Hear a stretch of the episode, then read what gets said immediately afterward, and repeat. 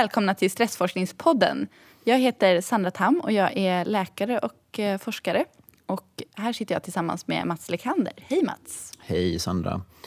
Jag är forskare, professor på Stressforskningsinstitutet. Professor i psykoneuroimmunologi med inriktning mot stressforskning. Det där är så komplicerat. Ja, det är så hemskt. Och eh, i hälsopsykologi också faktiskt. Ja, och vi tänkte faktiskt berätta att vi håller på att göra en podd som vi kallar för Stressforskningspodden som vi kommer släppa väldigt snart. Eh, och idén till den här podden kom för att vi tänkte att vi vill nyansera stressbegreppet kan man väl säga, lite så övergripande.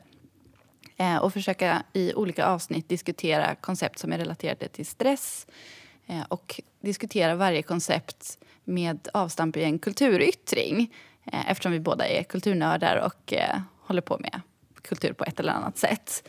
Och vi sitter faktiskt här just nu tillsammans med Per Naroskin som vi har bjudit in till ett avsnitt som ni kommer få höra senare. Och vi tänkte passa på att fråga dig Per, medan du ändå är här. Eh, du har ju fått lyssna lite på några av avsnitten i podden och nu har du hört vad idén med podden är. Eh, vad tror du om det här? Jag tror det är bra. Jag är framförallt så glad att få vara en del av kulturyttringen. jag kände mig bara, jag sträckte på mig. Jag kände det var jättehärligt att få ja. vara i den delen. Eh, jo, men jag tycker att det är en jättebra blandning och det är lite, lite för sällan som man ser den typen av blandning i samtalet. Utan ja. Antingen är det någonting på kulturredaktionen eller så är det någonting på Vetenskapsradion och så. Och jag tycker det är så himla bra med lite crossover.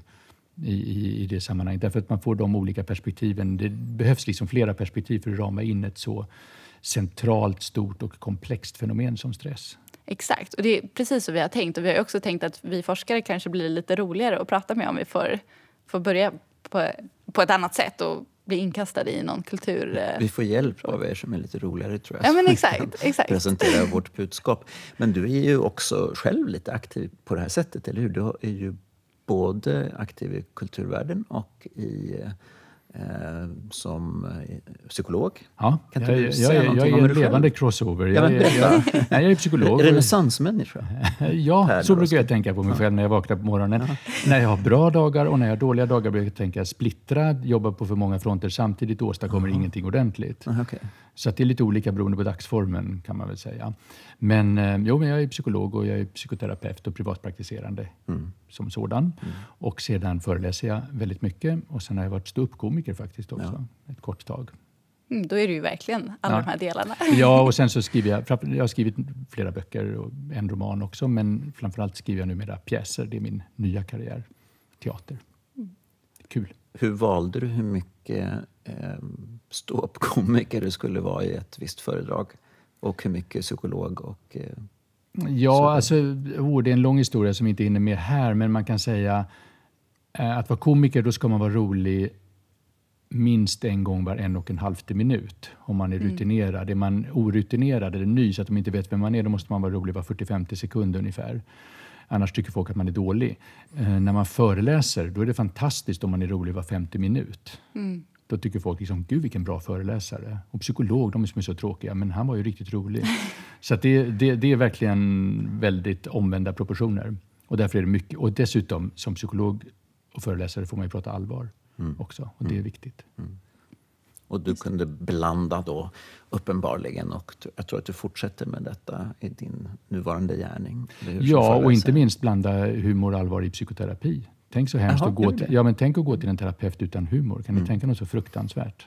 Jag tycker jag har varit med om det. jo, men det var väl inte så roligt heller? Nej, det var det verkligen Nej, men alltså, det, alltså, humor är ett stort ämne i sig som man kan göra en egen podd om. Men, mm. men eh, det är ju så att den där glimten i ögat och en, för mig är humor både ödmjukhet, snabbtänkthet och att kunna ta ett steg åt sidan och se även på sig själv utifrån. Och det är liksom tre egenskaper som jag absolut skulle kräva om jag skulle gå i terapi, att mm. min terapeut hade. Jag försöker så gott det går.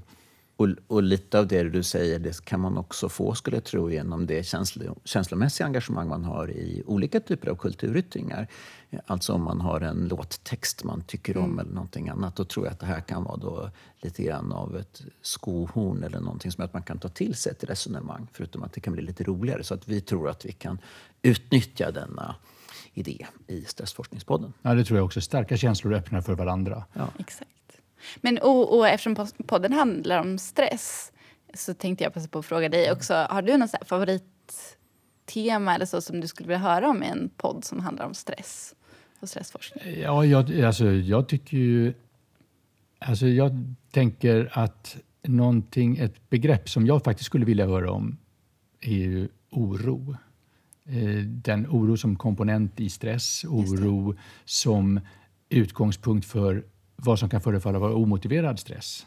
Alltså, där. Och det, för att jag är en riktig orosmänniska, en riktig gadd som det heter. Just det. Och det där är ju helt perfekt för att i de första två avsnitten så kommer vi prata, dels så kommer vi prata om vad stress är för någonting, hur man kan definiera stress och vad det egentligen, vad som händer i kroppen vid en akut stressreaktion. Men vi kommer också försöka sära på begreppen just stress och oro och, och prata om det här med, eh, är det så att en oro för stress kanske också är någonting som är mer problematiskt än själva stressreaktionen i sig.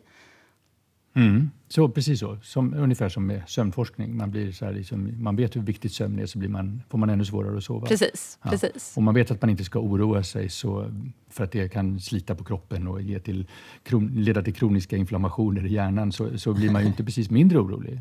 Nej. Nej. Så det där vore intressant att få bli lite lugnad på den fronten, förhoppningsvis. förhoppningsvis, ja kanske. Och om jag får lägga till en sak just på det temat så ska vi också prata om stressdiagnoser, alltså det som ibland kallas mm. för stresssjukdomar. Och där faktiskt i en av dem så är en överdriven upptagenhet med stress och kroppens stressreaktioner en del av diagnoskriterierna. Så vi kan verkligen, om vi beter oss eh, fel så kan vi verkligen öka folks oro. Jag tycker det är ett utmärkt tema att ta upp. Mm. Ja, stressad av stress, det, är liksom verkligen, det här blir en riktig metapodd. Eller, ja. Då säger vi tack till dig Per. Tack så mycket.